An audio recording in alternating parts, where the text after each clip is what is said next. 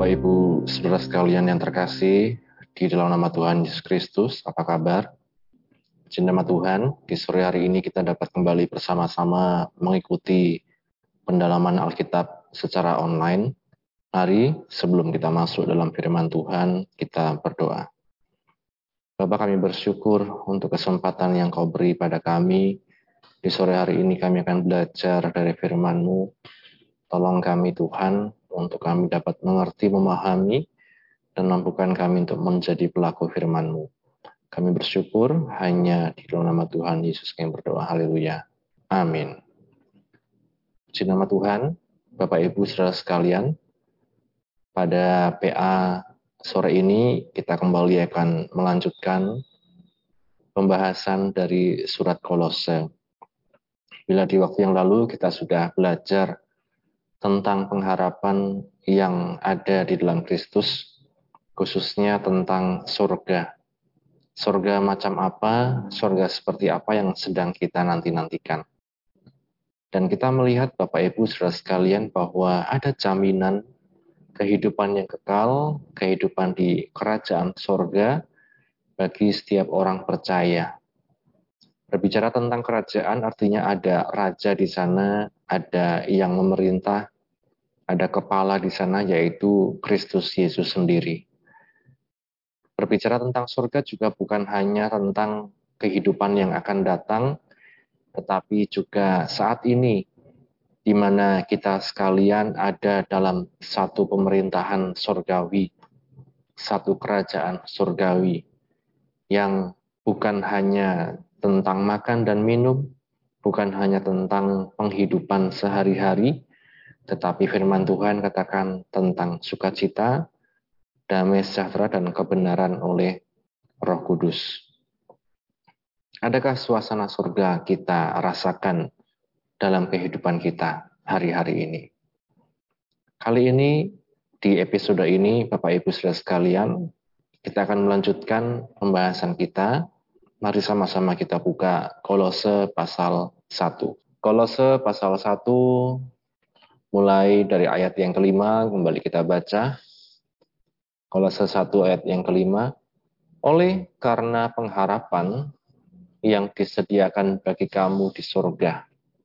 Tentang pengharapan itu telah lebih dahulu kamu dengar dalam firman kebenaran yaitu Injil yang sudah sampai kepada kamu Injil itu berbuah dan berkembang di seluruh dunia.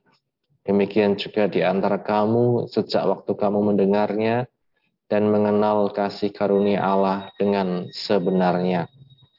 Ayat 7, Semuanya itu telah kami ketahui dari Epafras, kawan pelayan yang kami kasihi, yang bagi kamu adalah pelayan Kristus yang setia.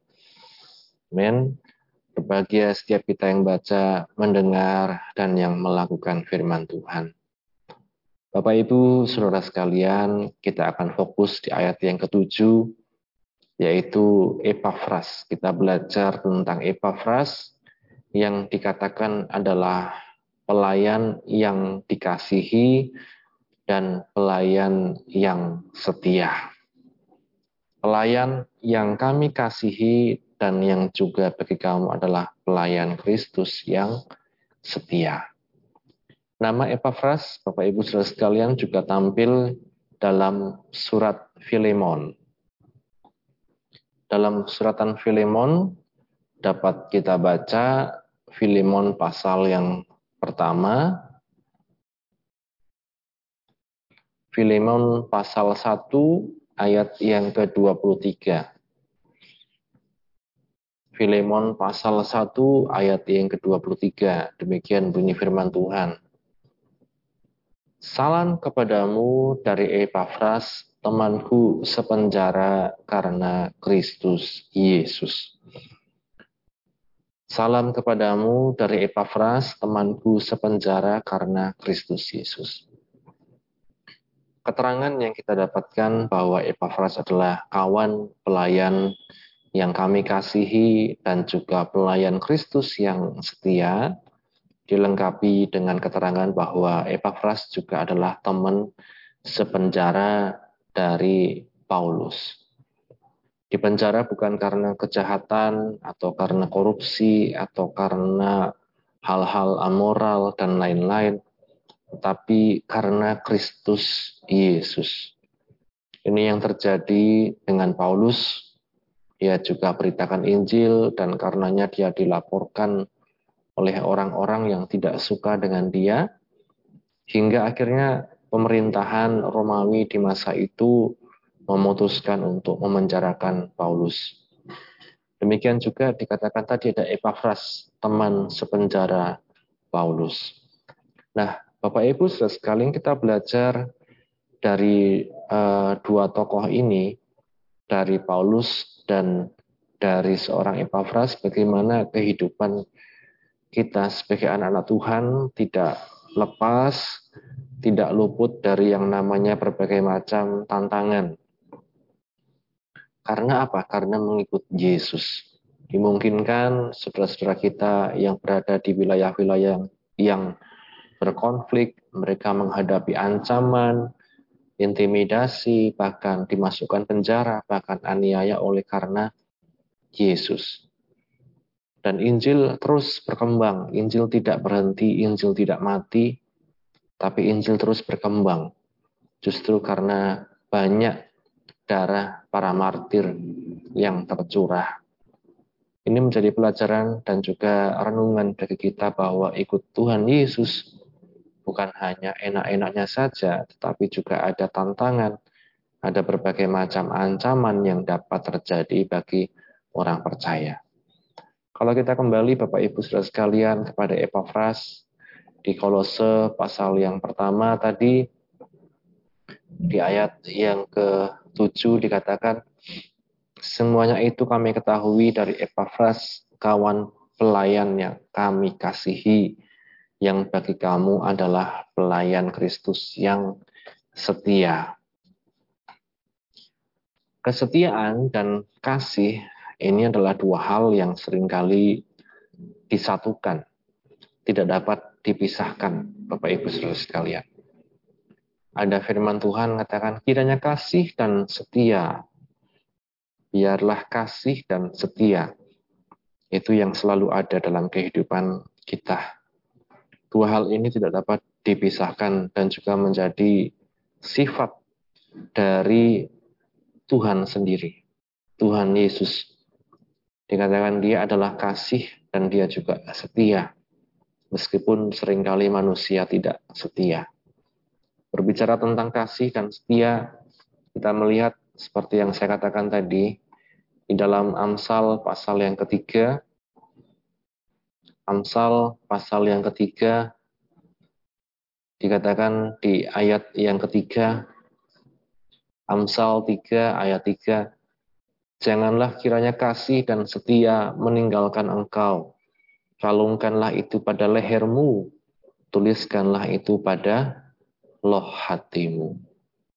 Sekali lagi, janganlah kiranya kasih dan setia meninggalkan engkau. Kalungkanlah itu pada lehermu, tuliskanlah itu pada loh hatimu. Jadi dua hal ini, Bapak Ibu sekalian, kasih dan setia sering kali disatukan. Bahkan itu dikatakan seperti kalung. Hendaknya kita terus bawa, hendaknya terus ada dalam uh, kehidupan kita hari demi hari. Kita pakai setiap hari. Bukan hanya dipakai, tapi kalung itu juga bisa dilihat orang. Mau kalung itu bentuknya seperti apa pun, dapat dilihat orang. Itulah tanda kasih dan setia hendaknya juga terlihat dalam kehidupan kita. Satu lagi Bapak Ibu sekalian dalam Amsal 19 ayat yang ke-22 Amsal 19 ayat yang ke-22 Sifat yang diinginkan pada seseorang ialah kesetiaannya. Lebih baik orang miskin daripada seorang pembohong. Sifat yang diinginkan pada seseorang ialah kesetiaannya. Bapak Ibu Saudara sekalian, ini kalau kita melihat tidak kebetulan dituliskan oleh firman Tuhan. Kalau kita ingin melihat sifat seseorang tentu adalah dikatakan oleh Amsal kesetiaannya, berhubungan dengan kesetiaannya. Kalau kita ingin melihat sifat dari mungkin pasangan hidup, kemudian anak-anak kita, kemudian juga kalau dalam gereja jemaat Tuhan, yang kita inginkan, yang kita rindukan adalah kesetiaannya. Bukan hanya kemampuannya, talentanya, kehebatannya, pelayanannya, mampu bisa melayani, bertalenta, luar biasa, dipakai Tuhan. Tapi apakah tetap setia dalam segala situasi kondisi? Atau hanya setia ketika ada masalah? Atau hanya setia ketika ada pelayanan? Bapak Ibu saudara sekalian, adakah tanda kesetiaan ini masih nyata dalam kehidupan kita sebagai pasangan bagi suami atau istri kita, sebagai orang tua dari anak-anak kita, sebagai anak dari orang tua kita, sebagai jemaat Tuhan, dan terutama sebagai anak-anak Tuhan. Apakah kita masih setia? Kita bisa melayani Tuhan, mampu uh, ada di mimbar dan lain-lain. Apakah kita juga setia pada Tuhan di kehidupan kita sehari-hari? Itulah panggung pelayanan yang paling utama dalam kehidupan kita, yaitu kehidupan kita sehari-hari. Bagaimana Bapak Ibu saudara sekalian? Adakah Tuhan mendapati kita sebagai orang yang setia kepadanya? Seringkali digambarkan kalau dalam film-film, kalau dalam kisah-kisah nyata, kesetiaan ini sering kali kita disuruh belajar dari hewan, yaitu anjing. Salah satunya Mungkin Bapak Ibu pernah dengar nama Hachiko. Anjing yang begitu setia menantikan tuannya di satu uh, tempat saat tuannya ini harus berangkat bekerja dengan angkutan.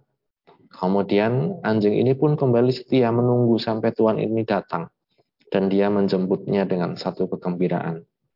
Tapi ada satu uh, momen di mana tuan ini sakit kemudian mati sehingga tidak datang-datang, tidak kembali. Anjing ini tetap menunggu sampai pada akhirnya dan ternyata tidak kembali. Berhari-hari, bertahun-tahun, anjing ini tetap kembali kepada tempat yang sama, dia tunggu tuannya. Tapi tuannya tidak kembali. Dan orang-orang terus memberitahukan dengan bahasa manusia bahwa tuannya sudah meninggal.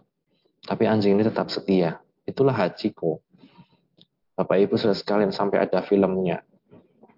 Menjadi juga contoh bagaimana dalam kehidupan kita belajar dari hewan, belajar dari binatang seperti anjing ini juga penting, juga perlu dalam kehidupan kita. Menjadi pribadi yang setia, bukan hanya waktu enaknya saja, tapi juga waktu tidak enak, waktu tidak nyaman. Di gereja pun seperti itu Bapak Ibu sudah sekalian. Sekarang kita melihat gereja begitu terbuka, kita bisa melihat gereja-gereja lain di media sosial. Kita bisa mungkin datang juga ke gereja-gereja lain dan mungkin dengan berbagai macam cara kita bisa uh, sana ke sini. Adakah kita masih punya kesetiaan? Saat gereja kita mungkin ada masalah, saat gereja kita mungkin ada pergumulan dan lain-lain, apakah kita masih tetap setia pada Tuhan? Saat mungkin ada gesekan dengan teman-teman sepelayanan, saat mungkin ada permasalahan dengan orang-orang di sekitar, apakah kita masih setia kepada Tuhan? Sifat yang diinginkan dari seseorang ialah kesetiaannya. Itu yang dikatakan oleh firman Tuhan. Satu lagi dalam Amsal pasal yang ke-20, Amsal 20 ayat yang ke-6. Banyak orang menyebut diri baik hati, tetapi orang yang setia, siapakah menemukannya? Sekali lagi, banyak orang menyebut diri baik hati, tetapi orang yang setia, siapakah menemukannya? Ini menjadi pertanyaan digantung gitu ya sama penulis Amsal. Banyak orang menyebut diri baik hati, tetapi orang yang setia, siapakah menemukannya? Artinya bertanya juga pada kita, penulis Amsal ini, apakah kita setia dalam segala hal yang kita kerjakan? kita tergolong pada orang-orang yang setia. Bukan tergolong pada orang-orang yang hebat, luar biasa. Tapi apakah kita setia? Ini yang tidak mudah. Epafras menjadi contoh. Dia bukan hanya dikasihi, dia bukan hanya mungkin dipuji orang, dia bukan hanya melayani Tuhan, tetapi dia juga setia. Setia pada Paulus, setia pada jemaat Tuhan. Buktinya apa? Epafras menjadi teman sepenjara dari seorang Paulus. Tidak mudah, tidak nyaman ketika menjadi teman di saat orang itu berada di titik rendah. Mereka yang tetap menemani kita di titik terendah, mereka adalah orang-orang yang setia. Mereka yang hanya mendekat pada kita di saat kita di posisi yang baik, posisi yang tinggi, mereka suatu saat bisa meninggalkan kita. Maka Amsal katakan, orang yang baik hati banyak, tetapi orang yang setia, apakah ada juga pada kita? Nah, karenanya Bapak Ibu Saudara sekalian, kita belajar dari teladan Tuhan Yesus sendiri. Dia tetap setia sampai dia menghadapi salib. Dia tetap setia pada panggilan hidupnya, panggilannya untuk menjadi tebusan bagi orang berdosa. Kesetiaan Tuhan Yesus dan kasih Tuhan Yesus hendaknya juga yang kita teladani dalam kehidupan kita hendaknya itu juga yang memotivasi kita untuk terus setia di dalam Tuhan. Bapak Ibu saudara sekalian, kita juga belajar dari Epafras menjadi pelayan Tuhan yang dikasihi, menjadi pelayan Tuhan yang bukan hanya berkarunia, bertalenta, tapi sampai di titik terendah Paulus, di titik yang tidak mudah, di masa-masa yang tidak mudah, dia tetap setia. Biarlah kesetiaan Tuhan Yesus dan juga teladan dari Epafras ini juga yang dapat menginspirasi kita, memotivasi kita untuk menjadi anak-anak Tuhan yang setia sampai pada akhirnya. Amin. Firman Tuhan pada sore hari ini. Sama-sama kita berdoa. Bapak kami bersyukur untuk firman-Mu yang telah kami baca, kami dengarkan, kami renungkan. Tolonglah setiap kehidupan kami Tuhan, mampukan kami, kuatkan kami untuk tetap setia sampai pada akhirnya Tuhan tengah masa yang tidak mudah, banyak godaan, tantangan, dan sering kali banyak juga hal-hal yang membuat kami tidak setia. Engkau yang tolong kami roh kudus untuk kami tetap setia. Baik dalam kehidupan nikah kami, dalam kehidupan keluarga kami, dalam kehidupan kami berjemaat, bergereja. Di mana pun kami berada, ajar kami tetap setia Tuhan. Karena Engkau yang meneladankannya. Demikian juga teladan Epafras kiranya memotivasi kami untuk kami tidak hanya setia di saat yang mudah, di saat yang senang, di saat yang enak, tetapi juga di saat-saat yang tidak mudah.